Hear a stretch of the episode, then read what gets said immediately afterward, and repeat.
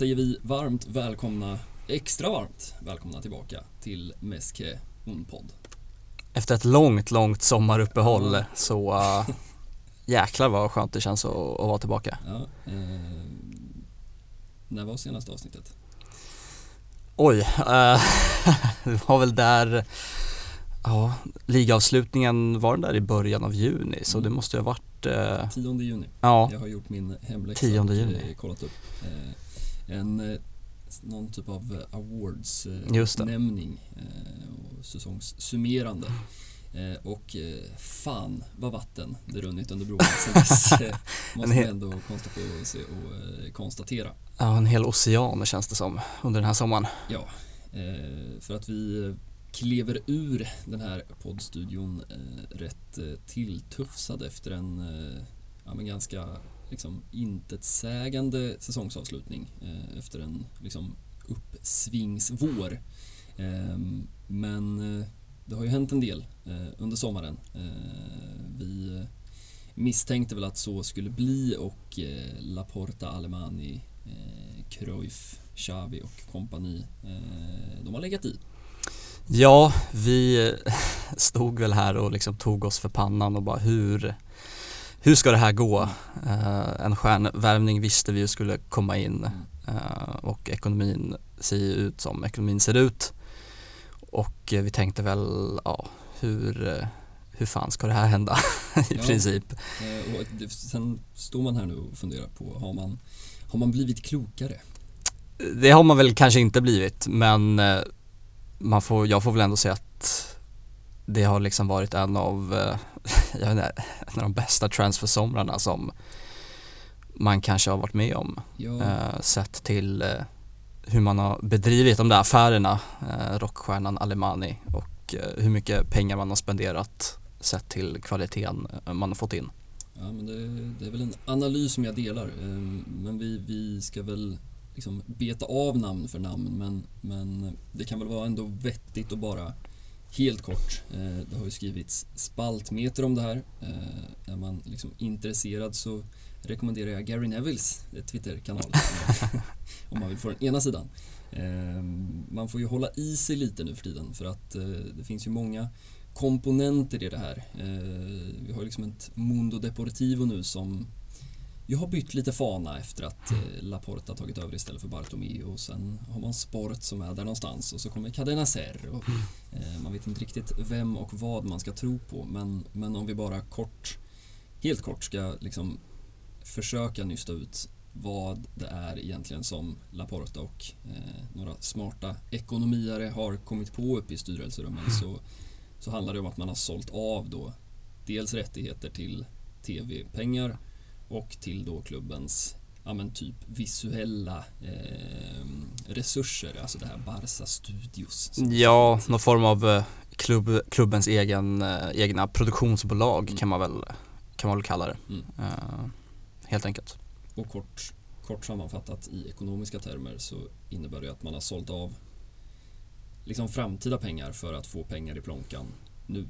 Mm. Och för den som kan sin ekonomi så vet man ju att eh, för 30 år sedan så kunde man köpa en glass för 5 spänn och idag kostar en glass 25 spänn. Mm. Eh, och det är väl lite där man hamnar att de här tv-pengarna som man har sålt av nu eh, lär ju kunna vara värda en del till om då ett antal år. Ja, vi prat, surrade väl lite om det här innan att eh, 25 år eh, eh, liksom, eh, har man sålt av eh, de här rättigheterna till något amerikanskt investmentbolag.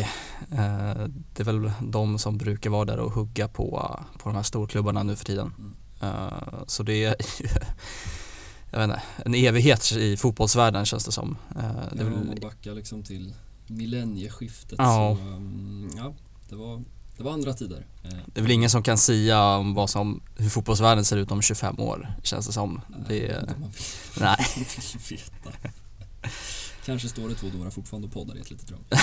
Eh, vi får se. Eh, men hur som, det, det känns ju som att det har pratats från alla håll och kanter och eh, det har väl också, tror jag kanske med att liksom den engelska pressen och liksom den engelska delen av liksom fotbollssociala medier har ju varit väldigt upprörda med. Det bottnar väl egentligen i liksom Frenkie de Jong situationen. Eh, är min analys av det hela. Mm. Eh, för helt plötsligt har alla varit så himla intresserade. Eh, och jag menar, vi kan väl stå här och diskutera i en timme hur man ska liksom värdera eller tycka och tänka om det som Laporta gjort och liksom pysslar med. Men man kan väl bara, eller jag tänker att det kan vara bra att bara liksom klargöra en sak och det är ju att man liksom etik och moralmässigt så finns det inga problem i det man har gjort och det är där jag tror man hamnat lite snett i hela diskussionen. Eh, sen hur man behandlar Frenkie de Jong eller Martin Brathwaite Mm. det har ju egentligen inget med saken att göra. Eh, utan det handlar ju om att man har fått in en ledning nu som tar beslut. Eh, jag menar, ska man värva in en anfallare, ja då står Lewandowski där med nian och Memphis får stå och sura vid sidan om. Eh, ska Brathwaite bort, ja då ska Brathwaite bort. Mm. Eh, men liksom hela den här hur man har löst den ekonomiska situationen. Det är en annan femma. Eh, eller har, har du också liksom upplevt den här eh, man har inte riktigt vetat vart man ska liksom sticka ner huvudet och liksom dra upp huvudet igen och Nej men eh, jag kan väl bara hålla med liksom. Eh, det finns väl inte så himla mycket att orda om, orda om där liksom. Det har ju varit en Barca och ledningen har väl verkligen varit i liksom blickfånget under den här sommaren. Det har ju varit fotbolls-Europas stora liksom snackis. Eh, som du säger, både om hur man behandlar spelare som är out eh, i princip. Hur eh, värvningsstrategin har gjort och alla verkar ha stått där. Jag har egentligen tyckt att det har varit ganska solklart liksom. Alla känns det som har stått där som ett stort frågetecken och liksom eh, Bayern Münchens tränare på pratar om det på en presskonferens. Hur, hur kan Barca värva så här? Och Jör- Jörgen Klopp förstår ingenting men det är som du säger, man säljer av tillgångar på lång sikt och får pengar på kort sikt. Det är liksom, Ja men det är väl en ganska vedertagen liksom, ekonomisk lösning för att lösa problem. ja, Eh, och sen ska man väl liksom, nästa steg är ju då så här, ja men tycker man att det är en bra lösning? och det är ytterligare en, det är ju en annan fråga. ja, Sen är det, är det en försvarbar lösning, det är klart att det är. Eh, jag menar, vi pratar ju inte sen Sen står vi här om ett och ett halvt år och så är det något liksom corporate-bolag som har fifflat på något. Så det ska vi väl liksom ta höjd för också. Men, men liksom, så vitt man vet så, så finns det liksom inget fuffens i det man gör. Eh, det enda man gör är att ta stora risker. ja, Eh, och jag menar, det beror väl på. Eh, jag vet att jag någonstans liksom formulerade att ja, är det värt att, att ta den här risken eh, om man ska värva en Robert Lewandowski, en Jules Koundé? Ja, kanske är det värt om man ska värva en Marcos Alonso. Då börjar man ju fundera. Mm. Eh, och på så sätt tänker jag kanske att de värvningar man faktiskt har gjort, eller egentligen hela liksom transfersommaren blir ju någonstans, det är väl ingen liksom, rymdforskning direkt, men att det blir en fullständigt avgörande sommar. Eh, jag menar, ska man liksom investera på det sätt man har gjort med den risken man har gjort, ja, då kan man inte åka ur Champions League i ett gruppspel. Eh, Nej. Det kan inte bli en tredje plats i La Liga. Eh, för att då, då, då funkar det ju inte. nej precis. Det är ju den här framgången som måste komma här nu och som vi vet framgång föder väl framgång på något sätt. Eh, och eh, ja, det är ingen liten liksom uppgift som man står för inför den här säsongen. Eh, inte bara sett till det sportsliga men det är hela liksom klubbens, jag vill inte säga överlevnad men det är mycket mer som står på spel än ett resultat, än eh, ett år där man inte vinner ligan eller Mm. åker ut i åttondelen i Champions League. Eh, det är mycket mer som står på spel nu tack vare, som du säger, de här riskerna som man har tagit och det är väl eh, också det man, enda man kan konstatera att är det riskfullt? Ja. Ja, där, där kan vi nog landa. Ja. Jag, jag, tanken bara slog mig igår när, eh, vi ska väl återkomma till den matchen, men när Lewandowski klackar då medvetet eller omedvetet beror på vem man frågar. Men, men liksom in en ledningsboll och eh, publiken som nu är tillbaka på Camp Nou står upp och jublar och eh, allt känns sådär Ja, det är det så här det ska vara alltså. Mm. Eh, men samtidigt så har man det där i bakhuvudet att ja, vad har det kostat? Vad kommer det att kosta? Eh, nu finns det ett, liksom, ett superlag på Camp Nou igen. Det finns en, en gala-elva som, som vi på fullaste allvar ska kunna utmana på, på liksom alla fronter. Eh, men det är klart att det har kostat kanske både i, i risk och i någon form av eh, jag vet inte, en syn på vad klubben ska och vill vara. Mm. Men ja, vi lär ju inte ha sagt det sista eh, om detta. Eh, och som väl alla är väl medvetna om så börjar ju fönstret eh, gå mot sitt slut och eh, ja, det lär ju kunna ha hänt en del när vi står här nästa vecka, eh, är väl känslan. Ja, det har väl Xavi flaggat för här i några veckor att eh, det är inte så många dagar kvar nu men eh, de eh, har ju indikerat att de eh, fortfarande vill eh, ta in en eller två spelare. Det är väl framförallt en högerback det pratas om nu så uh, nej, vi ska ju inte stänga någonting nu innan, uh, innan uh, nästa vecka.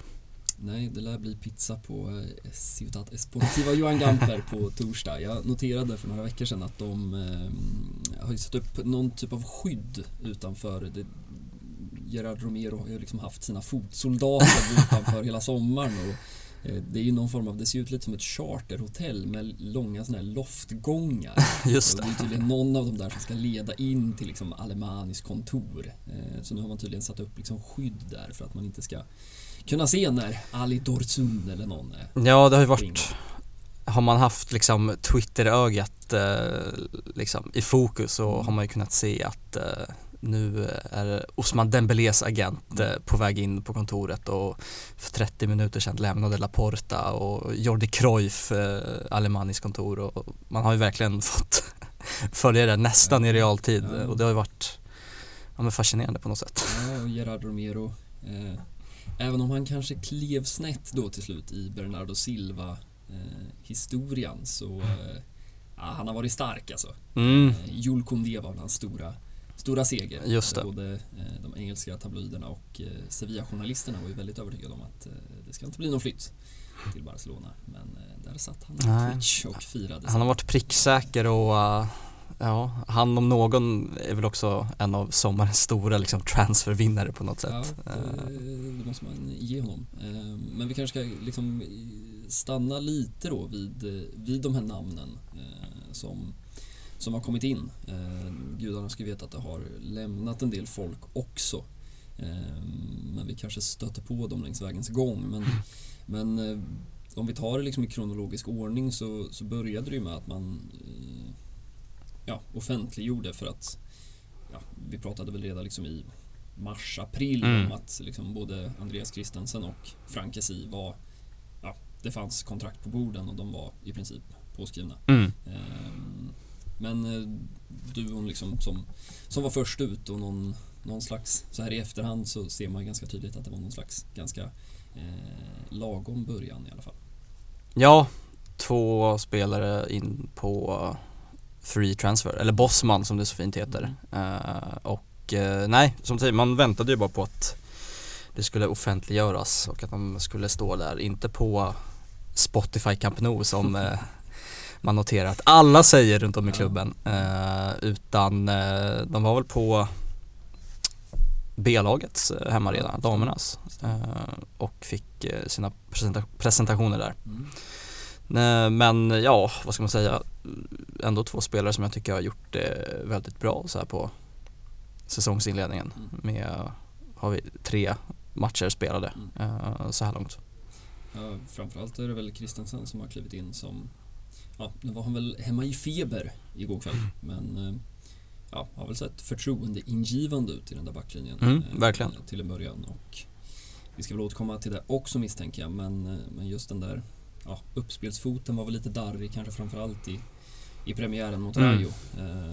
Men det är ju en spelare som, som sköter spelet med fötterna på ett bra sätt och det är väl ingen nyhet att Xavi ja, det är väl där det sitter lite griller i huvudet på honom hur man ska mm. lösa det där med ja, vem ska spela högerback, eh, vem ska spela höger mittback. Mm. Eh, noterar varje match hur Ronald Araujo, som ju alltid spelar någonstans till höger, mm. eh, slår bort någon boll och ofta liksom blickar ut till höger och de har ju förstått nu för tiden att det är ju där Xavi står och sliter sitt hår efter varje varje passning. Han är ju rivig och slitig, Araujo, men just det där spelet med fötterna är väl, är väl det som stoppar honom från att vara en av världens absolut bästa mittbackar. Ja, det är ingen fin lirare på så sätt. Nej, tyvärr inte. Eh, men, men Christensen har väl fått en, en, en fin start och det lär ju vara en spelare som, som kommer få mycket minuter. Eh, Ja, absolut. Särskilt med den där uh, vänsterfoten som i liksom, det är väl någon form av så här Cruyff Barcelona DNA Mm. att uh, vänsterbacken eller den vänstra mittbacken uh, ska kunna spela upp med vänster för att liksom på något sätt hitta rätt ytor och komma loss uh, en hög press och sådär. Nej, men Så- det känns väl på förhand som en liksom helgjuten värvning. Eh, Absolut. Frankesi är väl, är väl lite mer av ett frågetecken. Ja. I alla fall i min bok. Han har ju inte fått eh, någon start så här långt utan eh, vi, jag kommer ihåg att vi stod här i våras och tänkte hur ska Xavi formera det där mittfältet? Hur ska alla de här spelarna få plats? Eh, med tanke på att ja, det är inte jättemånga som har, som har lämnat eh, där. Nej, det är Nico som har försvunnit ut på lån. Som tog det fullt förnuftiga beslutet Ja, att, säga. att eh, lämna för en eh, ja, men bra La Liga-klubb i Valencia Mm. och inte göra som gode Ricky Push, eh, att stanna kvar och liksom slåss för den här platsen. Eh, LA till slut. mm. Noterades för en assist eh, i nattens eh, match Ja. eh, för LA Galaxy. De Eh, ligger, de ligger långt ner i de här liksom livescore-apparna i MLS. Man får Ja. bläddra långt. Eh, Men eh, gör man, gör man det och klickar så kan man se att han eh, spelar fram en viss Chicharito. Ja. Eh, Det, är, det är ändå ett... eh, Det har någonting. försöka lösa en lane på sociala medier så Ja. att alla kan ta del av. Eh, nej men man lite har väl liksom de funderingarna förverkligats med tanke på att ja, en Frenkie de Jong som väl ser ut att bli kvar. Ja, Eh, måste man väl ändå säga att den vågskålen väger väl tyngre idag. mm. Eh, imorgon vet man inte. Nej men eh, och så finns det en Pedri och en Gavi och en Sergio Busquets som ju ser ganska självskrivna ut. Ja, herregud. Alltså, Frenkie de Jong har ju inte startat i varje match och då vet man ju att Kessie ändå är liksom ett steg bakom honom i den prioriteringslistan. Eh, men jag tycker ändå att han bidrar med något som Ja, det är lätt att dra parallellen till en Seydou Keita men en fysisk mittfältare som kan vinna boll, som är pa- passningsskicklig. Det är liksom ingen Arturo Vidal som bara springer upp och ner och liksom köttar. Utan han vet hur man ska slå de där bollarna. Eh, så jag tycker ändå utifrån någon form av så här truppperspektiv eh, så ser jag ändå det som en väldigt bra värvning. Mm. Och eh, ja, jag tror han kommer nog bli nyttig när vi kommer nu framåt eh, hösten och mycket matchande och Jag har sett och, och um, petade i det där oktoberschemat Ja. och det är ju ja, det är groteskt. Eh, och det vet väl alla vid det här laget men det är ju ett VM-slutspel Mm. som ska, eller ett VM-slutspel, ett VM, ett VM som Ja. ska spelas.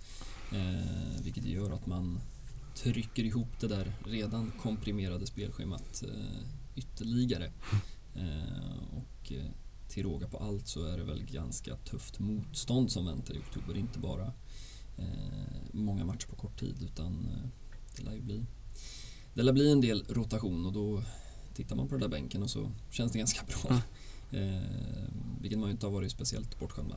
Nej, herregud att kunna slänga in liksom en Frenkie de Jong som kanske har fått vila en ligamatch och en Kessie också. Det är, det är något, eh, det är en bredd som inte har funnits på väldigt länge. Nej, det måste...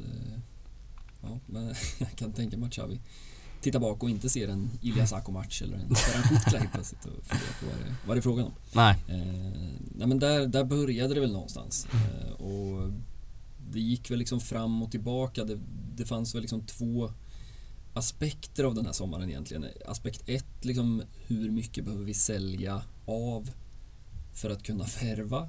Alltså kommer vi kunna värva? Här Mm. var man ju inte säker på att det skulle gå. nej, Eh, alltså ska vi kunna lägga 167 miljoner euro eller vad det nu är man har lagt då på, på de här tre spelarna som till slut kom in. Det var, det var ingen som visste vid det här laget. Eh, Nej. Sen skulle de ju registreras också men det det är en annan femma. inte tänkt på där liksom. Eh, men eh, först ut att presenteras var ju Rafinha. Ja, de, eh, det är en massa parallellspår här men de här sommarens ord palankas Mm. som, ja men, eh, jag vet fan hur man ska översätta det men eh, Jag vet, alltså, ekonomiska hävstänger Ja. är liksom någon form av, eh, jag vet inte hur liksom rätt det är. nej inte jag heller men helt enkelt de här försäljningarna helt enkelt. Eh, Först sålde man ju av 10% av de här tv-rättigheterna eh, eller om det var 15 och sen kom 10 och det var nästa palanka och palanka nummer tre var att man sålde av var det, 49% av det här produktionsbolaget och sådär. Eh, Men eh, ja, där började Rafinha eh, som det ryktades om väldigt länge. Mm. Och man fick ju betala en del till slut. Många dueller med Chelsea. Precis. Här transferfönstret. Men 67 miljoner euro till slut. Mm. Vilket var liksom mindre än vad Chelsea erbjöd. Ja. Vilket ju skulle återupprepa sig sen med, med Jules Koundé. Precis. Vilket väl ändå tyder på någonting kanske. Ja, och det var väl tydligt också att eh, sommaren liksom, eh, den gick ju bara men Rafinha verkade ju ha siktet inställt på Camp Nou Mm. eh, och väntade ju i princip ut Barca, att de skulle lösa de här ekonomiska delarna för att eh, kunna lägga det där budet och, ta in honom. Ja, det är en spelare som har... Han kommer ju med mycket. Eh, Mm. Det är en spelare som, som det händer saker kring. Eh, Mer på gott än på ont får man väl säga hittills. Eh, Men det är väl bara att konstatera att man har Osman Dembélé, man har Rafinha, man har Ferran Torres, man har Ansu Fati eh, Ja. på två ytterpositioner och det är ju Ja, i december så stod man med Luc de Jong och i, återigen Ilias Akomac och Ferhan Kutkla och en Dembélé som Ja, för det första hade han väl inga baksidor och Mm. han var väl knappast älskad på Camp Nou. Nej, Eh, och så här ett, ja, lite mer än ett halvår senare. Men det, det går fort i fotboll. Eh, det ska gudarna veta. Eh, men det känns väl, han känns väl som en spelare som, det låter fel att säga att man vet vad man får, för det är precis det man inte vet. Men man vet att man inte vet. Eh, makes sense. Ja, nej men eh, vi pratade mycket om att skulle han vara redo för, för det är ett jäkla hack uppåt liksom. Eh, visst, han har varit Leeds liksom main man eh, offensivt och allt det där. Men eh, och att eh, prestera på den absolut högsta nivån i Barcelona med all tyngd som den tröjan liksom har Mm. eh, i något helt annat. Eh, men eh, också där jättefin spelare som jag tycker verkligen har gjort ett eh, gott intryck. Eh, är ju lättälskad där när han står vid sin presentation med det här klassiska Ronaldinho-halsbandet, eh, hans stora idol. Eh, och eh, ja, det är ju lätt att dra de parallellerna liksom en riktigt tekniskt begåvad ytter liksom som kan trixa med, med bollen. Det ska, det ska fan alltid finnas en brasse i blodet. Ja. Alltså det, det, är så, det är så det ska vara. Ehm, men där och då så, så funderade man väl lite. Jag vet inte hur du satt där i någon semesterstol någonstans Mm. och funderade men ehm, jag vet att vi pratade liksom hela våren om den här liksom nian, eh, profilvärvningen och det var väl ganska klart sen, sen liksom tidigt att det var Robert Lewandowski som, som var den där spelaren och eh, jag känner, jag har nästan glömt hur liksom intensiva de där veckorna var eh, för de har ju så många pampar, Bayern Ja, som, som kan gå ut och liksom eh, prata om både det ena och det andra. Och så har man liksom Pini Zahavi som liksom åker kors och tvärs över Europa i diverse möten. Eh, man har Lewandowski själv som liksom var på någon semester på Mallis och där träffar han på någon. Och det är rapporter både hit och dit och Laporta säger det och men till slut så, så stod han ju där. eh, och det kanske var oundvikligt till slut. Ja, det blev väl något form av ett krig är väl kanske att ta i men det blev ju ändå liksom en tennismatch där fram och tillbaka mellan eh, Oliver Kahn som var väl Mm. ute och svinga allra mest eh, och Lewandowski och det var väl lögner hit och lögner dit men Lewandowski var väl ändå tydlig med att han ville lämna Mm. och att han tyckte att han hade förtjänat chansen att söka sig någon annanstans och eh, så var det väl de där mötena, det var väl en en kort visit på en middag på Ibiza med Mm. Lewandowski och Xavi som övertygade honom att ah, okej, det är, det är hit jag ska och det, det här kommer att bli bra. Uh, nej men intensivt var det och Gerard Romero skriker ut på Twitch att uh, Pini Sahavi nämligen uh, har varit på någon Barca store och liksom tryckt upp tio liksom, tröjor med Lewandowskis namn och det finns något liksom halvsvajigt liksom, videobevis på det där uh, som cirkulerar runt. Men nej, intensivt var det och med facit i hand så vilken jävla värvning det har blivit. Ja, det är väl någonstans där man måste bottna. Mm. Ehm, och kanske, jag, någonstans så tänker jag att det är ganska genomgående under sommaren hur fascinerande det är på ett plan att, att spelare liksom väljer, och det är väl lite samma med Real Madrid, vilket man någonstans tror att man känner lite tacksamhet för det, liksom, när man har hela den här diskussionen om liksom, ja, var är fotbollen på väg? Kan man liksom köpa sig till Nej, man kan tydligen inte om man inte är Chelsea då hittills köpa sig till en Champions League-titel. Det verkar ju inte funka. Eh, det verkar inte heller som att man kan liksom köpa bort den dragkraften som vissa klubbar har. Nej. Manchester United, Real Madrid, Barcelona. Alltså både att en Robert Lewandowski väljer att plocka ner Bayern München som kanske framstod som ja, alltså var, var håller man dem? Liksom en av världens tre absolut bästa fotbollslag. Ja, det får man säga. Eh, liksom när, man, när man kliver in i en transfersommar. Mm. För att då kliva till ett Barcelona som absolut ska satsa på nytt. Men jag menar, Robert Lewandowski är 34. Han har inte all tid i världen. Nej. Eller så tar man en Jules Condé som kan välja på i princip varenda toppklubb i hela Europa. Ändå väljer man Barca. Ändå väljer man lägre lön än vad man kunde ha fått. Eh, jag tror ändå att det där säger någonting om vilken liksom institution en fotbollsklubb faktiskt kan vara och det går liksom inte att köpa för pengar. Nej, verkligen och kombinerat med det så har man väl, är det väl rätt tydligt att Xavi också har varit en jäkla nyckel i hela det här transferspelet. Mm. Uh, han har ju haft sina, sina talks med varenda nyförvärv i princip mm. uh, och dragningskraften att ha Xavi på tränarbänken verkar ju ha lockat och han måste ju vara någon retoriskt geni som ja. liksom han kan väl övertyga vem som helst känns det som att komma till Katalonien. Ja. Nej, man har ju svårt att se Ernesto Valverde sitta och med all respekt till den gemytliga arbetsmannen Ernesto Valverde. Som är tillbaka! Ja, man, alltså det är... Det har vi ju pratat om. Ja, nej, man, ja fan man gillar det och så plockar de in Ander Herrera så känns allting precis som det ska vara igen. Ja. Eh, nej men det är så, såklart som du säger Xavi har väl varit en stor del i det där också och eh, jag vet inte, jag ska väl i ärlighetens namn säga att jag har inte suttit och, och kikat Bayern München vecka in och vecka ut i liksom i Bundesliga. Sen har man ju sett liksom Champions League-matcher här och där.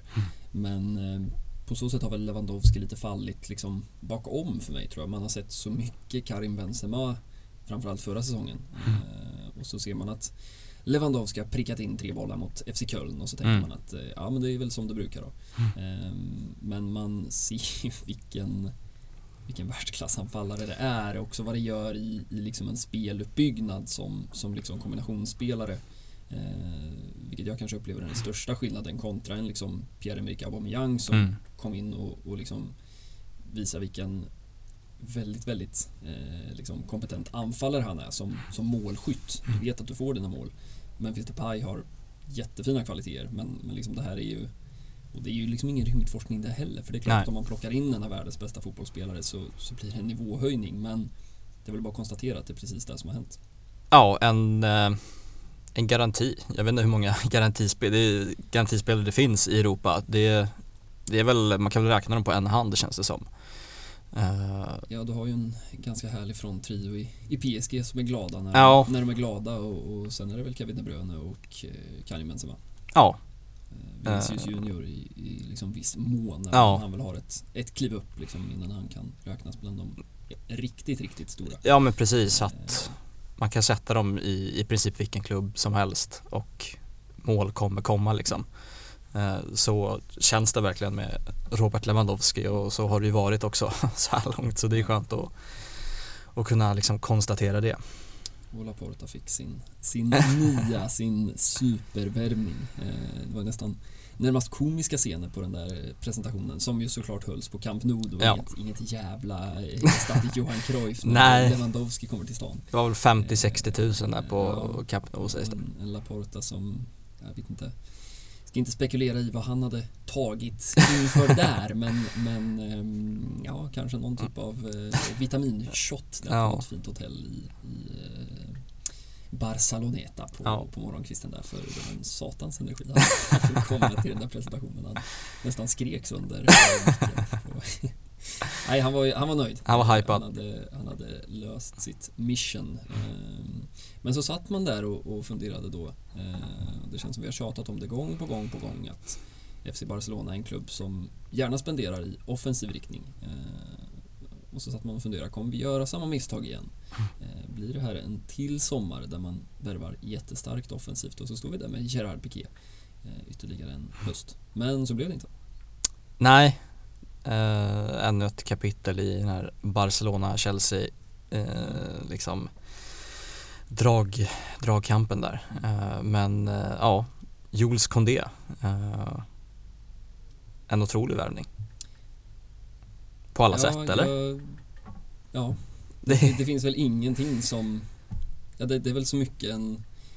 Jag menar, visst, du kan titta på en Lewandowski och så kan du argumentera för en ålder eller ett pris. mm, Men jag menar, här får du en 23-årig, tror jag, 24-årig liksom mittback som har presterat i La Liga. Eh, som har liksom ah, precis de egenskaperna man vill ha hos en mittback. Eh, han verkar ha liksom huvudet med sig. Eh, du får ett liksom, kanonpris på en marknad som ju har stuckit iväg på ett sätt som ja, jag vet inte om Chelsea nu ska betala liksom det är väl 75 miljoner pund för Wesley Fofana. Ja precis och då, Eh, Så, vad snackar vi? Det är väl över 80-85 miljoner ja, den ligger ju högt. euro liksom. pundet, så Ja. att då, då, då är det ju liksom en prislapp också som, som finns där och, och jag menar Nej, det är väl en, det är väl en värvning som liksom tickar alla boxar som, som går att eh, pricka i. Sen vart han ska spela är ju en, en annan fråga. Eh, vi ska väl liksom börja, börja brygga däråt. Eh, men eh, ja, ska man liksom kosta på sig att summera så, så är det klart att det är ju det är ju fem högklassiga fotbollsspelare som man plockar in på en och samma sommar. Eh, och det enda som liksom man får väl hålla i sig lite innan man ger ett liksom totalbetyg. Det är väl hur man då ska hantera de här fyra, fem spelarna som fortfarande finns kvar i truppen som, som ju ses som, som överflödiga. Eh, jag vet inte, det är väl Brathwaite såklart, Serginho Dest som väl, ja, det är väl ett kapitel för sig som man inte riktigt förstår. Nej, han har väl fått det liksom Det blivit jäkla tydligt att han inte räknar med honom. Nej. Eh, Och egentligen ganska Jag menar det har ju inte varit någon hemlighet vad gäller Brathwaite eller Umtiti Nej. eller liksom Mingesa för den delen heller, Ricky Push. Eh, Men jag menar Dest Jag vet att vi stod här i våras liksom och pratade om att det är klart att man ska spela Dest som högerback de här sista matcherna för att det kanske ska sätta sig och jag menar han klev in som vänsterback under våren och Mm. liksom var eh, habil ja, på många sätt. ja, nästan bättre där än på liksom Ja, vilket väl kanske säger någonting om någonting också. ja. Ehm, Men ehm, ja, man, om jag har förstått det rätt så handlar det om att man, man från tränarstabens sida tycker att hans liksom, ja, vad ska man kalla det, speluppfattning kopplar man ju så mycket till spelet med boll, men någon slags speluppfattning utan boll, Mm. ett positionsspel som, som man väl tycker sig se avsaknad av. Eh, och det, det är väl inte en helt felaktig eh, liksom, utvärdering utifrån vad man har sett samtidigt som man kan fundera på att jag menar, det är en ung, uppenbarligen väldigt kompetent fotbollsspelare. Mm. Men eh, ja, man får väl lita på eh, den gode Xavi och hans mannar. Eh, sen får vi se. Det är mycket, mycket gym-stories på Instagram från Dest. eh, Ja, det är mycket-. Det är mycket hashtag beast mode och liksom beast och det var väl ännu en gång Romero som gick ut och sa att eh, ja, men Dest ska ha sagt till sitt lilla entourage att eh, han ska nämligen eh, kriga på här och liksom verkligen bevisa att han ska spela Mm. eh, och efter det så är det liksom gymstory efter gymstory. Ja. Eh, så nej, det kan ju inte ha varit lätt för honom personligen liksom att, att få det så tydligt att eh, dig ska vi eh, bli av med liksom. Mm. och samtidigt, jag tänker också att det kan ja, vi bara nämnde väl det där i inledningen liksom en, hur man har hanterat en sån som Memphis Depay. Mm. Eh, där man har plockat en nummer nio ifrån honom och, och helt plötsligt så, så är han inte önskvärd. Samtidigt som man då, och det är väl det här tror jag någonstans, eh, om vi liksom ska avsluta den här liksom transfersummeringen, sommarekonomi, eh, anseendesummeringen, att man landar i att bara inse att det är ett nytt ledarskap nu. Mm. Det är Johan Laporta som sitter där. Eh, jag menar, ska Breathwaite bort, ja men då är det bara att Xavi säger, som, han sa ju det på presskonferensen i, alltså inför matchen, det blir ju då i förrgår. Mm. Breathwaite har vetat om det här sedan 17 maj. Ja. Han är inte en del av mina alltså det är bara så det funkar. Mm. Och sen kan man ju grotta ner sig i, ja vad är rätt och vad är fel? Är det rimligt att en spelare ska kräva ut en hel lön från en klubb som vill sälja honom och kan tänka sig sälja honom gratis? Är det liksom ett brott då mot liksom arbetsrätten Mm. att vilja bli av med Breathwaite? Har man gjort det på rätt sätt? Har det varit snyggt hela vägen? Nej, kanske inte. Mm. Eh, är det försvarbart? Nej, kanske inte. Är det så det funkar nu? Ja, det är det. Mm. För att det är Barca som ligger liksom först i prioriteringen. Sen om det kostar en dansk anfallare eller en fransk mittback, so be it. Ja. Det är nog bara att vänja sig. Mm. Sen kan man ju tycka precis vad man vill om det. Eh, Jag kan väl tycka, om man ska tillåta sig att recensera, att eh, kanske fallet Breathwaite så har väl Barca mer rätt. Fallet Frenkie de Jong är väl lite en annan femma. Ja, det har väl varit Det kan nog ha ett helt avsnitt eh, om bara det liksom Men där har det ju varit eh, liksom lite smutsigare taktik eh, Som jag själv tycker Kanske inte är värdigt en klubb som FC Barcelona och En spelare som Frenkie de Jong Mm. Jag vet inte vart man ska börja det, vi hade, det var ju en liten också episod det här med att Man ville omförhandla flera kontrakt eftersom att de skrevs på under Bartomeu och det liksom, jag vet inte, innefattade pengar som inte ska Nej, och gudarna ska väl veta att det var ju någonting. Jag minns själv när, Ja. för, för man förlängde ju liksom fyra kontrakt på samma gång. Det var ju Frenkie de Jong, Ter Stegen, Piqué och Sergio Busquets. Ja, Och Clément Langlais. och Langley, det stämmer. Eh, Liksom från, egentligen en blixt från klar himmel. Liksom. Ja. Det var inte på något sätt utgående avtal. Ehm, Men det förstår man ju så i efterhand att det är ju ett sätt att, att leka med de här eh, Ja, vad, vad säger man? Liksom budgetering. Mm, Eh, likvida medel kontra liksom en resultaträkning. Eh, det kan man väl titta på samma sak om man funderar på när liksom vissa värvningar och försäljningar har gjorts. Eh, så kan man ju bara konstatera utan att lägga någon värdering. Det kan man göra som man vill. Men både eh, Artur Pjanic-affären Mm. och Neto Sillesen-affären när blev de offentliga? Jo, i slutet av juni. mm, Och när stänger de här liksom räkenskapsåren? Jo, första juli. Så man behöver ju inte vara liksom eh, en mästerdetektiv för att förstå vad, vad det här liksom handlar om. Nu blev det ett sidospår igen, men, men ja, som du säger, det där var väl bara en del i liksom hur man hur man har behandlat Frenkie de Jong under sommaren. Eh, sen kan man ju, jag menar, det beror ju på hur cynisk man är, men det är klart att det finns en Pedri, det finns en Gavi där, helt plötsligt. Eh, precis som man kan eh, resonera precis samma sak för Ricky Push, så kan man ju resonera på samma sätt om Frenkie de Jong. Eh, uppenbarligen så kan han ju inte spela på Sergio Busquets position. Det vet vi ju vid det här laget. Ja. Och är det då försvarbart att ha en spelare i det här ekonomiska läget som kan inbringa 80 miljoner euro? Nej, kanske inte. Ehm, måste Frenkie lämna? Nej. Är det förståeligt att han inte vill lämna för United? Absolut. alltså, om vi ska vara riktigt ärliga. ja, Eh, Sen ska man inte raljera över liksom en enorm klubb som Manchester United, men de spelar Europa League-fotboll. Det ska man ändå ha med sig. mm, Eh, och hur gör man då? Jag vet inte. Är det rimligt att Frenkie de Jong ska sitta på en lön som är förhandlad av Bartomeu när det är nya tider? Mm.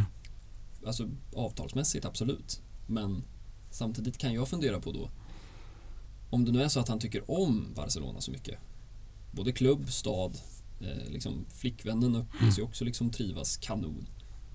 Ja, då kanske man kan gå med på... Nej, jag vet inte. Samtidigt så det är ju ett avtal som är Ja. skrivet. ja det är Och ru- liksom- ruggigt svårt. I juridikens värld så, ja. Och sen ser man hur liksom Piqué som ska ha sig skopor av kritik som vi har lassat på honom förr. Vi ska lassa det många gånger till. Eh, Busquets har också liksom gått med på att sänka lönen. Mm. Eh, ja, jag vet inte riktigt vart man landar. Eh, men någonstans är det väl ganska tydligt att det inte alltid har varit snyggt spel från, från klubbens sida. Nej, Eh, och, och det har väl att göra med liksom någon form av desperation liksom Ja. eh, i grunden och då då blir det inte snyggt när, eh, när det liksom kommer till den punkten. Nej, och det har väl varit ja, egentligen från alla alla parter. Jag vet inte riktigt hur man ska liksom reparera de sår som nu finns. Ehm, Men det, jag menar, blir han kvar så, så blir det ju extremt spännande om man bara ska kosta på sig och liksom rent sportsligt titta på personen Frenkie de Jong, fotbollsspelaren Frenkie de Jong. Hur hanterar han en sån här motgång? Ehm, För att han framstår ju väldigt mycket som den liksom lojala men samtidigt ganska introverta och Mm. tystlåtna spelaren som egentligen inte har haft några riktiga motgångar. Det är klart att flytten till Barcelona, han skulle ju bli en av världens bästa fotbollsspelare. Mm. Där är vi ju inte. Nej. Men samtidigt så är det här kanske den första riktigt stora prövningen i hans karriär. Eh, han har ju en plats att ta, ta tillbaka nu. Eh, och hur tacklar fotbollsspelaren och personen Frenkie de Jong det? Mm. Om man bara kostar på sig att liksom lyfta blicken ifrån allt som har varit så, så är det en av de stora, känner jag i alla fall, Mm. liksom, frågetecknen som kan bli ett utropstecken när man kliver in i säsongen. Ja, nej jag håller helt med. Sen tycker jag också att han har visat eh, att han är en viktig spelare. Mm. Liksom en spelare som behövs. Det var väl mot, eh, vi kommer ju komma in på det men eh, i ligapremiären mot Rayo liksom. För ibland funkar det inte med till exempel en Gavi. Mm. Det ska vi säga, det finns ju matcher där han inte hittar till sin rätt. Eh, och i den tyckte jag det var verkligen tydligt att när Frenkie de Jong kommer in och han kan liksom dra upp bollen 30-40 meter Mm. liksom i liksom full sprint så tillför han någonting som faktiskt behövs i, i det här laget. Eh, men som sagt, det ska bli jättespännande att se. För det är ju en eh, absolut en startspelare liksom, Mm. eh, när allt stämmer.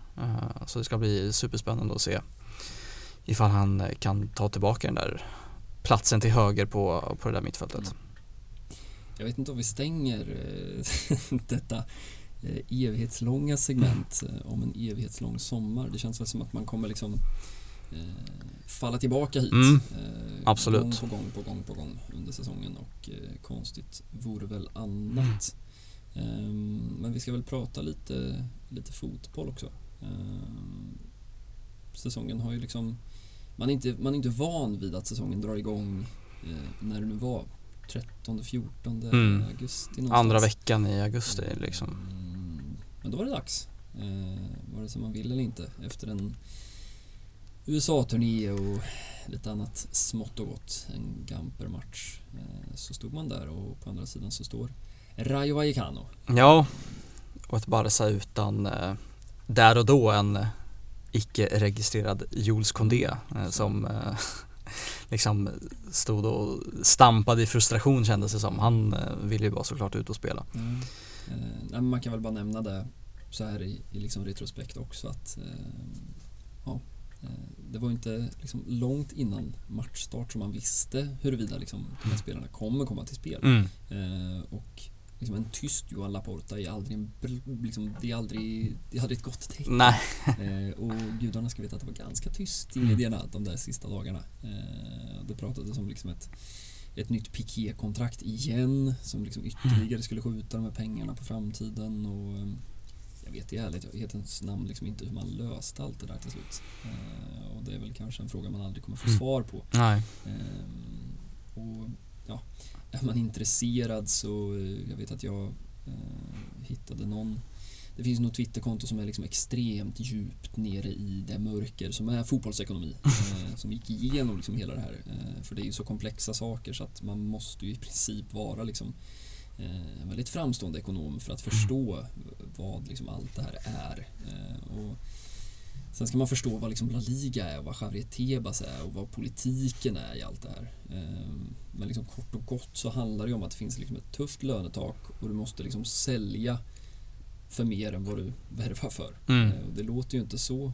komplicerat men det blir liksom ganska komplicerat när man eh, plockar in liksom amorteringar och avbetalningar och allt det här som man inte förstår när man bara ser en summa som är 50 miljoner euro för Robert Lewandowski. Mm. Ehm, Men gudarna eh, ska vi veta att vi varken är eller anspråkar på att bli en ekonomipodd. Eh, Så låt oss prata fotboll istället. Eh, Ett Rayo som fick behålla, vilket jag fortfarande lite förvånad över att ingen har liksom knipit eh, Andoni Iraola. Eh, Den är ja, ett av de absolut mest spännande tränarnamnen på spansk mark får man ändå kosta på sig att säga. Ja, verkligen. Någon form av eh, Han har väl en väldigt, väldigt stor status i Athletic Bilbao eh, som spelare. Mm. Eh, var ju en riktig trotjänare där.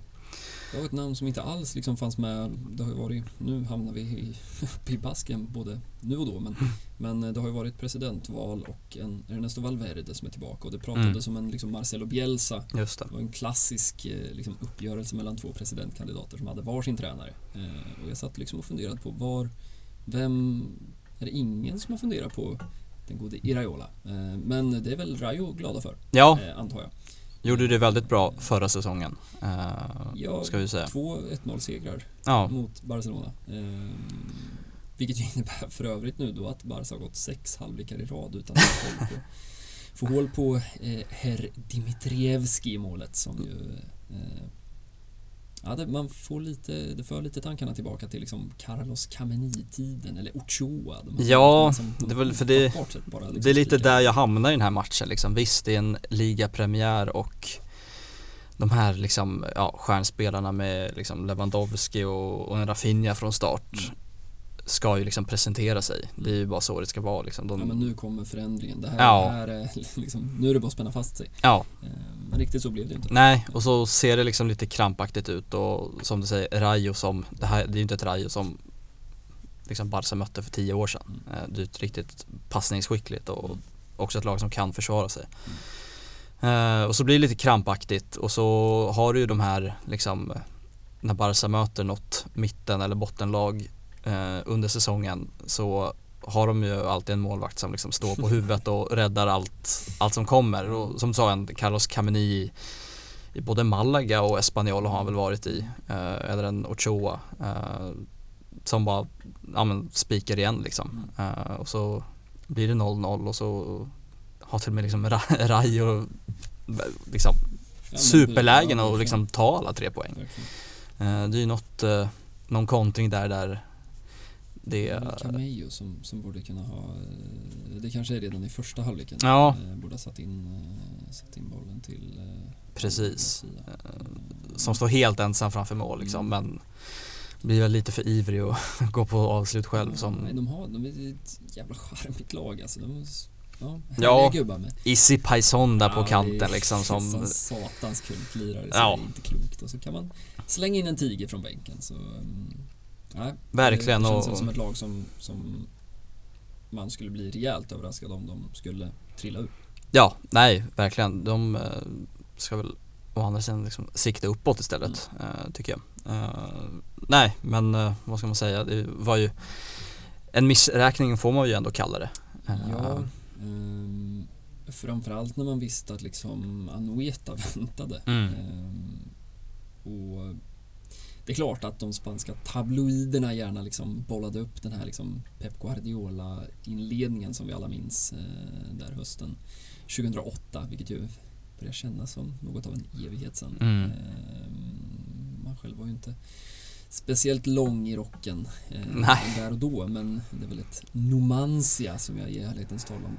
Jag, jag vet inte vart de befinner sig i liksom den mardröm som är det spanska seriesystemet. Ja.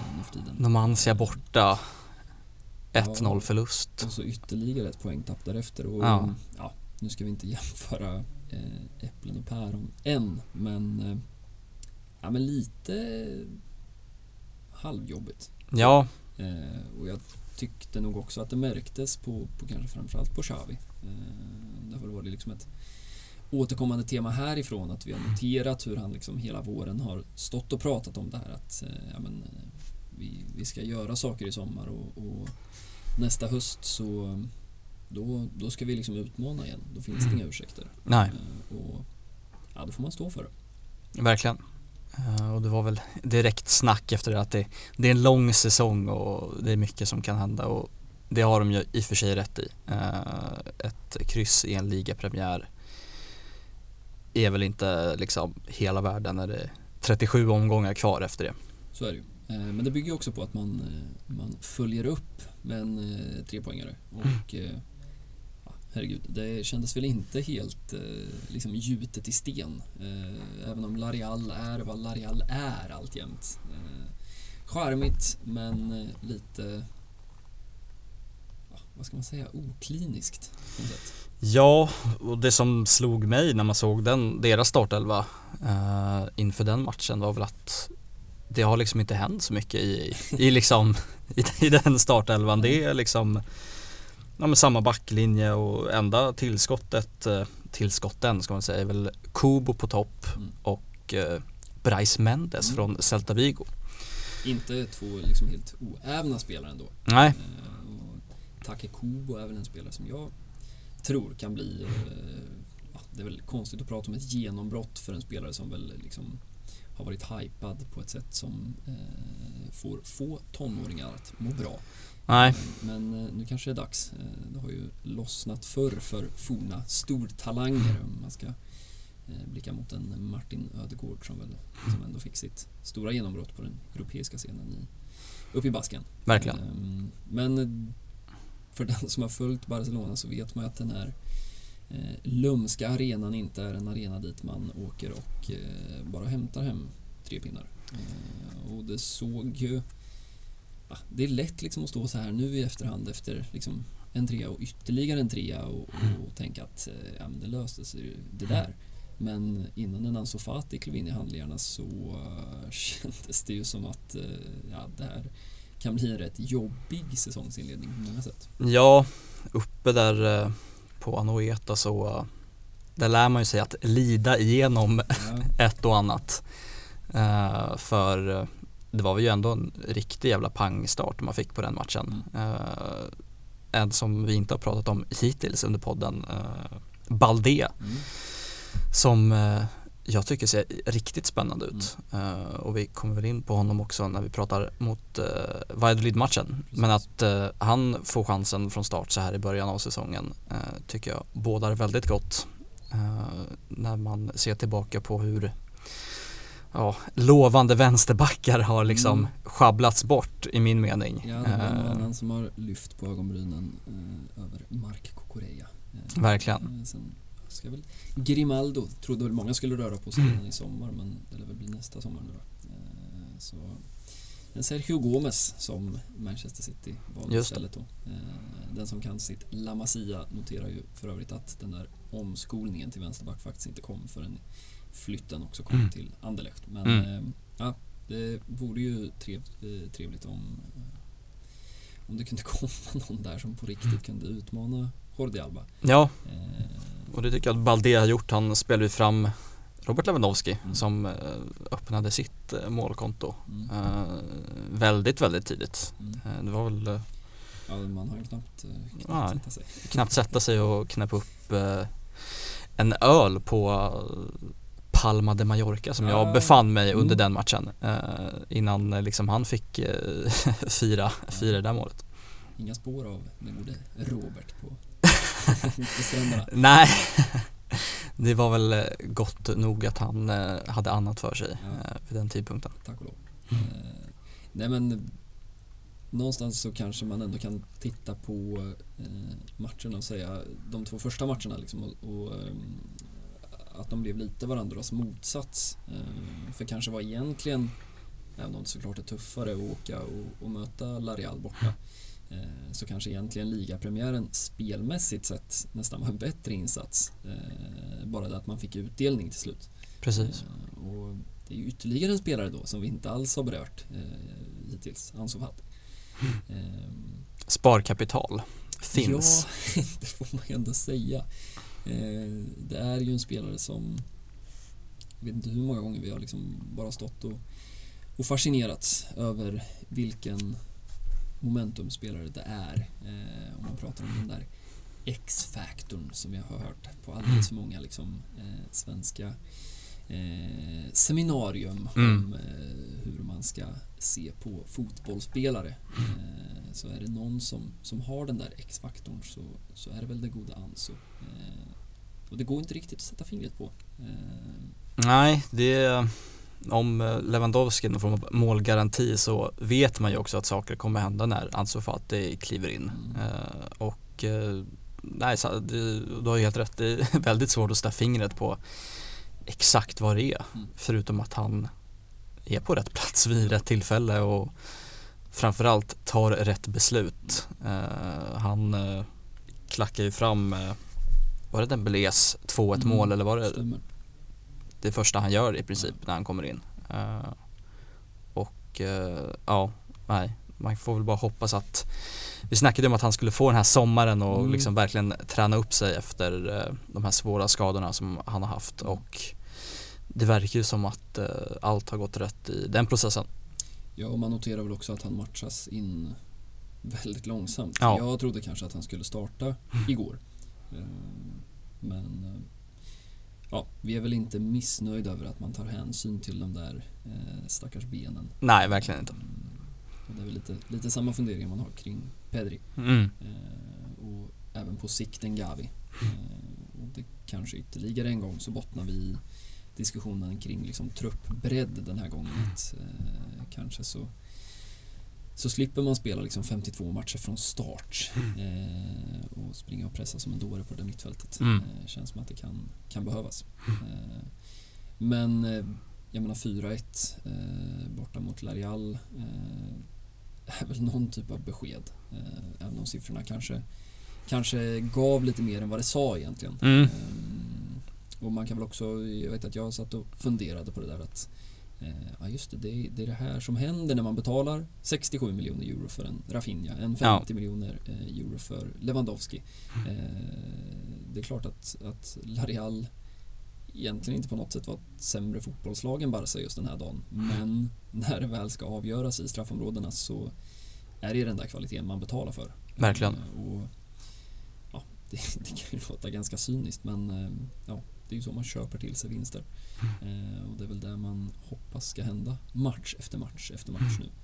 Eh, också viktigt såklart eh, så är det i efterhand för Lewandowski att öppna det där målkontot. Eh, kan själv tänka mig att det kan sätta lite griller i huvudet. Eh, att, eh, menar, det är väl ingen som tvivlar på att han kommer att göra mål men, men eh, kanske är det där som blir extra jobbigt då såklart. Eh, när man kommer från, jag vet inte vad han har, 350 mål på 350 matcher i, eh, i Bayern. Eller Ja, det är, väl, det är ju helt, något. eh, fruktansvärt De siffrorna. imponerande siffror. Mm.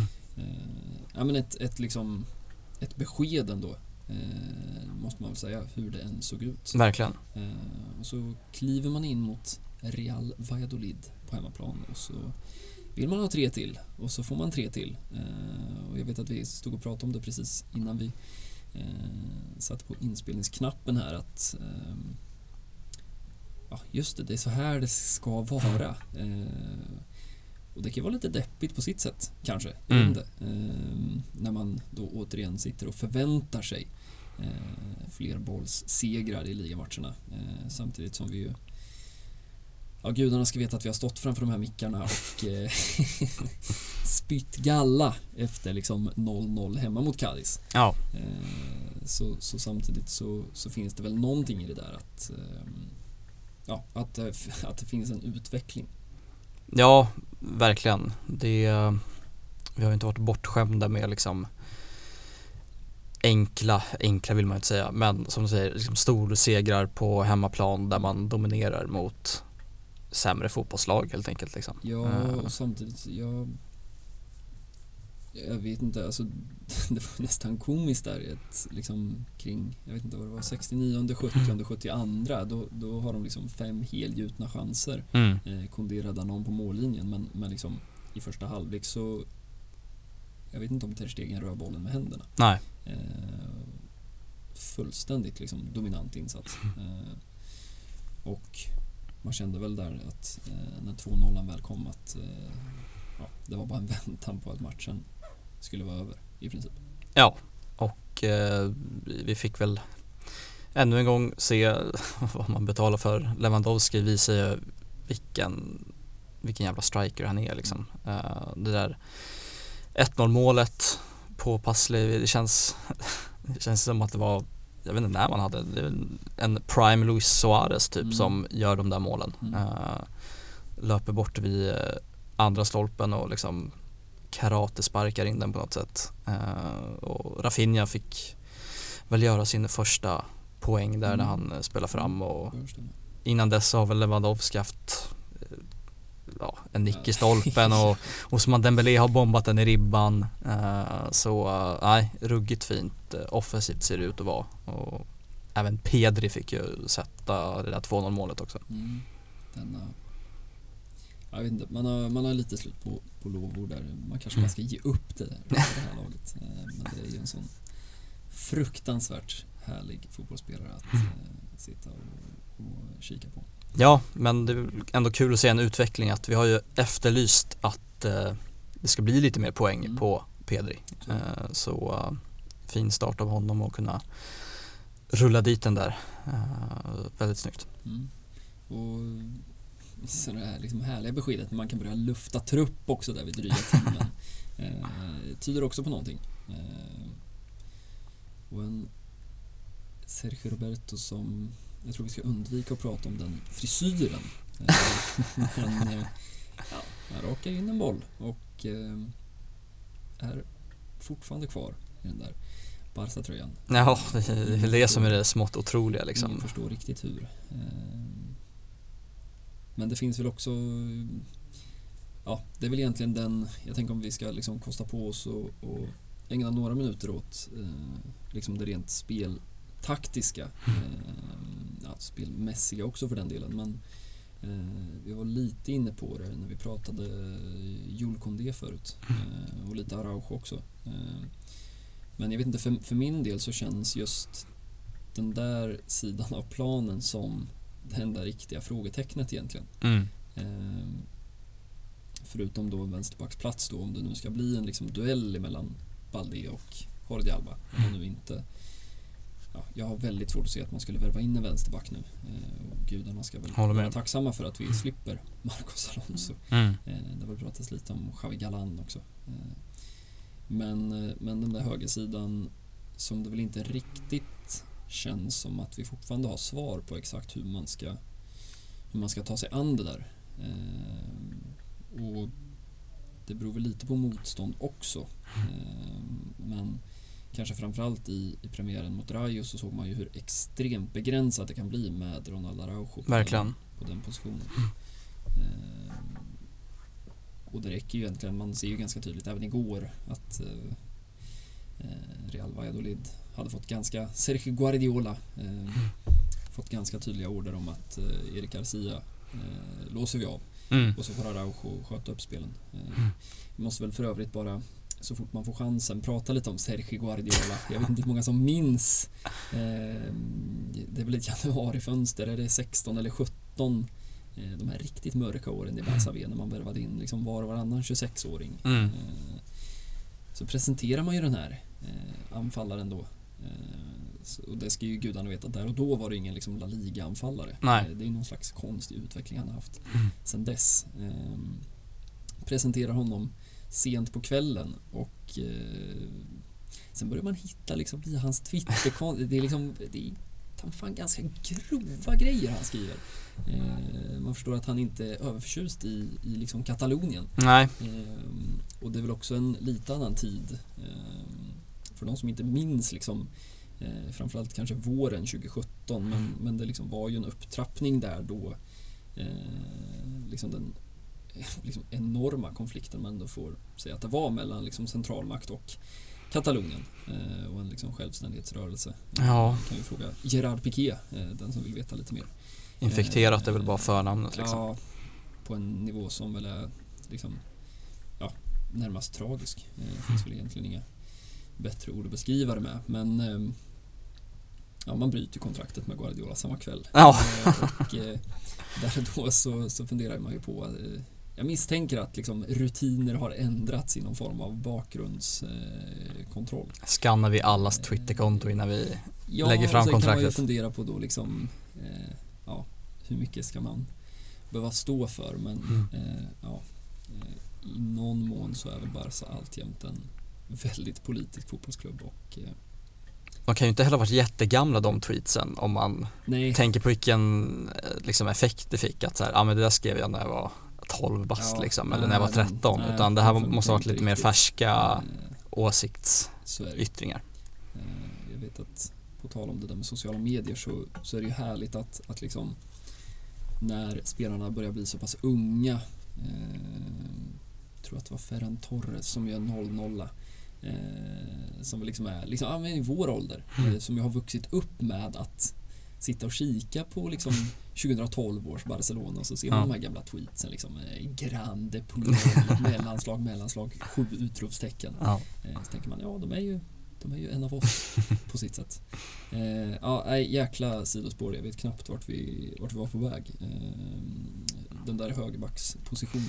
Ja, och det är väl där eh, vi har sett Xavi experimentera lite grann med liksom Araujo, Condé, Mm. en treback och allt, eh, allt vad det är. Och eh, det är väl den där sista pusselbiten som de är ute efter. Han sa väl det också i den här presskonferensen inför Valladolid-matchen att man eh, letar efter ytterligare förstärkning just eh, på den där högerbacken. Och Mm. det jag har läst till mig är väl något rykte om att den här eh, Traoré, högerback i Rennes, Mm. eh, har ryktats till Barca men har väl inte varit något superhett. Nej, Eh, och man ska mer än så. Liksom göra klart för sig att det finns ju inga möjligheter att plocka in en spelare just nu. Eh, utan det beror väl på vad man lyckas lösa i utväg. Eh, Ja. En Aubameyang, en Memphis Depay. Mm. Eh, annars är det väl Juan Foyt Just det. Som det har pratats en del om. Aspilicueta skulle ju komma in, Precis. det var ju liksom ganska öppet och Vilket välkänt. man nu så här i efterhand förstår precis vilken typ av profil Xavi tänkte sig. Ja. Eh, Hector Bellerin har det väl pratats om, eh, vilket ju är en helt annan profil. Eh, men som du säger, det har ju varit, det är väl det som också har varit lite svårt att, att sätta fingret på exakt vilken vilken position det där är, den där Mm. högerbackspositionen. Eh, jag menar Osman Dembélé och Rafinha har ju turats om och, och liksom i stunder då äga hela den där korridoren, även liksom defensivt. Att det har Mm. varit en väldigt tydlig liksom vridning i det där 4-3-3. Eh, nästan till ett liksom 3-4-3 om man så Mm. vill. Då. Samtidigt som kanske igår kväll så var det väl mer tydligt att vilket ju såklart har med motstånd att göra också, men att man nästan spelar ett Vadå? Ja, det blir ju 3-4-3 på sitt sätt också, men att, att Kondé eh, var ganska statisk. Mm. Eh, det är klart att han fyller på vid tillfälle, men det är liksom ingen Dani Alves. Nej. Eh, man kanske kan dra en liten parallell till liksom Pep Guardiola och Tito Villanovas Barcelona fast, fast man spegelvänder det då. Eh, om man tänker sig en Erik Abidal som vänsterback och en Dani Mm. Alves som högerback. Som inga jämförelser i övrigt men i typ av profil om man tittar på Balde och en då, Mm. en Araujo. Eh, så kanske är någon typ av eh, inspiration från den gode Xavi. Eh, sen är ju då frågan det är väl där jag tänker är, om man tänker på liksom högerbackspositionen som fråga ett så är väl liksom yttrarna om man tittar på liksom frågetecken och utropstecken så känns det väl som, och det vet jag att vi pratade redan om i vintras hur tydligt det var när Xavi tog över att nu spelar vi med yttrar. Mm. Det här är yttrar som ska kunna slå sin gubbe en mot en. Vi ska inte ha en Antoine Griezmann som högerytter längre. Nej. Eh, och frågan är ju då hur man Jag tänker om man då återigen ska liksom Vilket ju inte är en konstig koppling att göra med tanke på att Xavi spelade på det där mittfältet där och då Han liksom bodde i den där taktiken där och då eh, Men det är lite svårt att dra paralleller mellan David Villa och Ousmane Dembélé Alltså det är ganska olika spelartyper Verkligen. det tycker jag är lite spännande. För Xavi verkar vara så väldigt fäst vid yttertypen. Eh, men om man ska prata om Baldes inblandning offensivt. Eh, där kanske Ansu Fati är liksom lite annorlunda. Eh, man tänker sig att man mer liksom skjuter in en av yttrarna. En Mm. Ferran Torres som väl är lite liknande. Men jag menar, spelar man med Osman Dembélé och Rafinha Ja, då finns det inte så mycket att överlappa på. Nej. Eh, så han har ju lite att, att fundera på. ändå. Ja, och det är väl härligt höll jag på att säga att ja. det är inte ett färdigt lagbygge än utan det är liksom, man vinner med 4-0 och man har sju poäng efter tre matcher men det finns ju en stor, stor utvecklingspotential mm. fortfarande mm. eh, i både väldigt många spelare men också i, som du säger, Xavi och hur han eh, ska formera det här laget. Ja.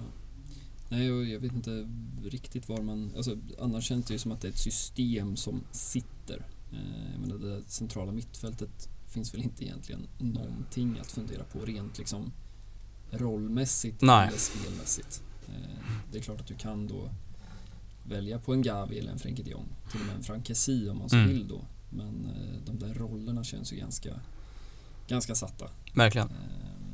Men det känns lite som att man rabblar floskler här men någonstans måste man väl också bara nämna liksom den konkurrensen som finns nu eh, som någonting nytt.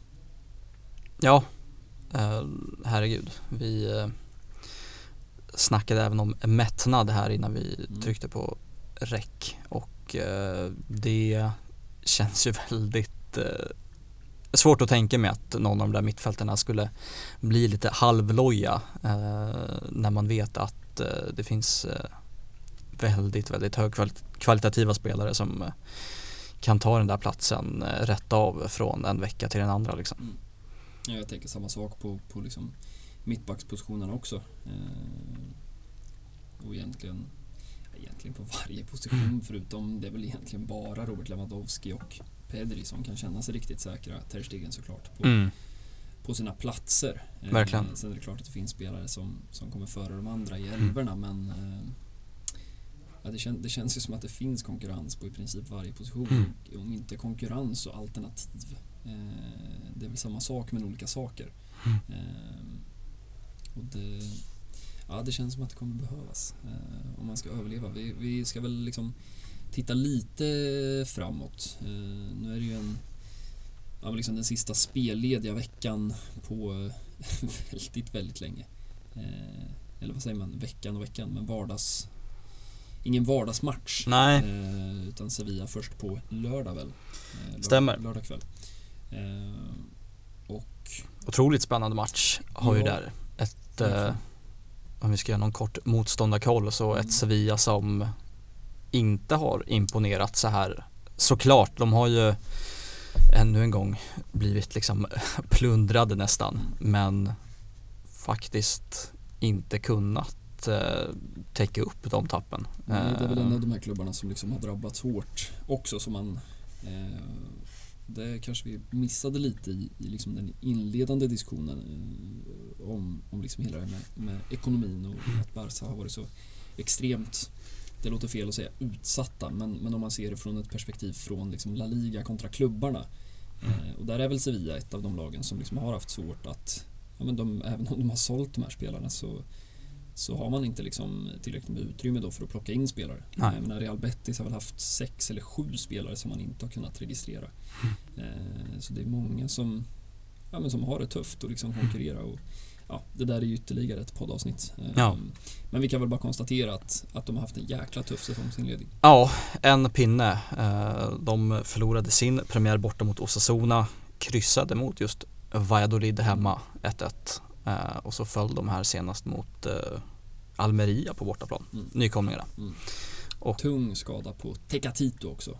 Just det, såklart. Som ser väl ut att missa VM mm. för sitt Mexiko. Mm. Uh, nej men Sevilla som också har det tufft. Barca hemma på lördag och sen kommer Manchester City på besök ja. på tisdag. Så de har ju också, ja, också problem eller möjligheter att se fram emot beroende ja. på hur man ser det. Mm. Ja, men det är väl ytterligare en sån där eh, ja, Ramon Sanchez Pizjuan är väl liksom ytterligare en av de där arenorna som man alltid åker till och eh, vet att det kommer bli tufft. Eh, egentligen oavsett status på, mm. på klubben. Eh, för det är klart att de har ju Ja, det, I ärlighetens namn så kanske inte är en trupp längre som är topp fyra. Det känns väl som att den där sista positionen är ganska öppen. Mm, verkligen. Nu. Kanske lite Villarreal som helt plötsligt har det där favoritskapet. Men man ska inte åka ner till Andalusien och tänka sig att eh, det blir någon lätt match. Eh, för sen sitter man där och så går hymnen igång och Ja. sen eh, står Thomas Delaney och Ivan Rakitic på det där mittfältet och ska göra livet jobbigt för allt och alla.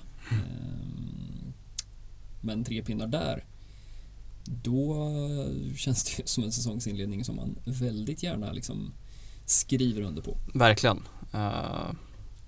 Det är väl två av de ja, svåraste bortamatcherna under en säsong. Eh, Real Sociedad borta och Sevilla borta. Mm. Så tar man sex poäng på de två eh, mötena i början så är det ju mycket mer än väl godkänt. Ja, Eh, det kommer väl behövas. Eh, Vi ska väl bara notera att Real Madrid igår kväll, eh, jag hade den på lite i bakgrunden och eh, noterade knappt att Karim Benzema gjorde 2-1 i 85 för det var precis det som skulle Ja. hända. Eh, Real Madrid är fortfarande Real Madrid. Ja, eh, det är väl där man kan någonstans om vi ska liksom eh, vira ihop den här liksom Mm. sommar som redan är ihopvirad men om vi ska vira ihop någon slags säsongsinledning då så är det väl där man kan konstatera att det är ju ett Real Madrid som med frågetecken för en bredd kanske på ett Mm. annat sätt men det är ju ett Real Madrid som kommer vara där uppe. Det kommer inte bli några 72 poäng eh, Nej. är väl känslan utan eh, känslan är väl kanske snarare att eh, vi kommer ha en duell som, som går långt in i våren. Ja, Ska det, det ska hända mycket. Herregud, Ja. det ska vara ett VM och det ska vara ett Champions League-slutspel. Och, eh, det lär ju, för att avsluta där vi börjar, rinna en del vatten under broarna eh, under säsongen också. Eh, vi kanske bara ska nämna också, det är väl lite osäkert exakt när vi kliver in i studion nästa vecka, men att ett Champions League-spel ska dra igång. Eh, vi behöver inte säga så mycket om, om gruppen mer än att den är jättetuff. dödens grupp som de eh, vad då kallar det nere i Spanien. Ja.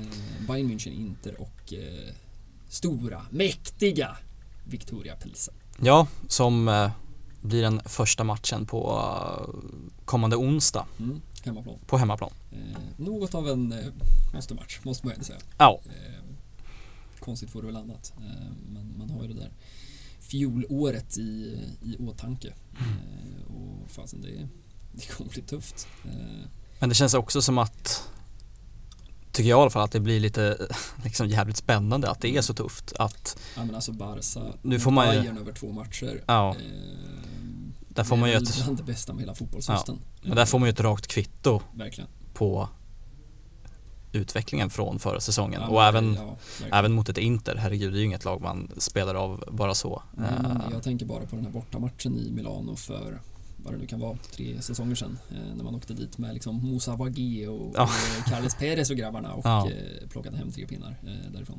Ansu Fati Eh, som satte Ja, i slutet. Stämmer. Eh, Sköna bortaställ, de här gula med Ja. stripen på. Väldigt retro.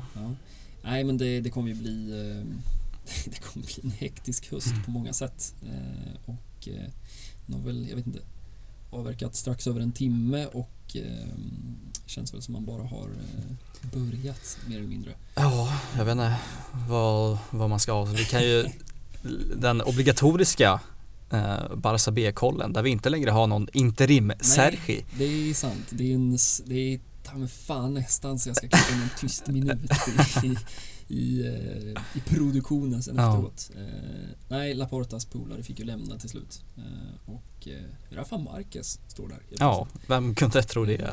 På på tal att säga. om liksom gamla spelare som nu ska bli tränare. Och jag vet inte, jag har sett ett par träningsmatcher och jag satt också och kikade på premiären här då mot Castellón, tror jag. Eh, och det ser väl ganska spännande ut. Mm. Eh, sen är det inte alls ett lika namns, eller liksom det är inte ett lika bra lag som man haft. Mm.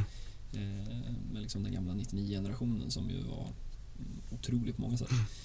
Eh, men eh, alltså sett, nej, men sett till ett liksom spelarutvecklingsperspektiv så ja, det finns några namn där eh, som, som, eh, ja, som jag tror kommer kunna figurera. Eh, kanske inte nu under säsongen, eh, sen kan det gå fort. Men eh, nej, det är bara att hänga med där också. Blev väl en inledande vinst ska vi säga. Sent, sent, Så sent. Eh, Eh. Shadi Riyad, eh, om vi då ska tillåta oss att nämna en, ett namn. Mm. Eh, något av en ja, om jag ska göra det jättelätt att bara eh, jämföra så är det väl lite av en Ronald Araujo-typ. Eh, kanske inte eh, om vi ska sätta liksom eh, Ronald Araujo som X och Erik Garcia som Y så är väl det här mer av X än Y. Eh, en spelare att se upp Mm. eh, för. Ja men det är bra. Barca B-kollen ska man inte glömma. Eh, Nej. och vi hoppas väl att se Sergio Barjuan på någon tränarbänk någonstans i Spanien. Fan. Ja, Eh, om när Ernesto Valverde kan så, så kan väl interim Sergio också. Eh, verkligen. nej, man kommer, eh, vi, tar, vi tar för evigt med oss de där Ja, tre matcherna. det var fint. som han gjorde på bänken. Eh, såg ungefär ut som liksom Piqué och Alba gjorde igår.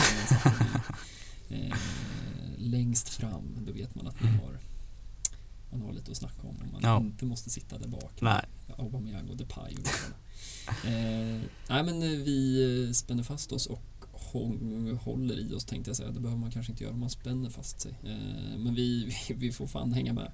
Eh, det är väl det man, eh, man kan göra. Man kan fundera hit och dit och upp och ner. Eh, men nu sitter Laporta vid spakarna och Xavi står vid sidan och Lewandowski står där fram och eh, det kommer hända saker. Eh, det är väl egentligen det är ingen rymdforskning det Nej. heller, men eh, någonstans är det väl där man, man landar efter den här sommaren. Eh, Verkligen, verkligen. sen ska vi väl, som sagt, vi ska stänga butiken nästa vecka och vi kanske har haft en deadline day som saknar motstycke.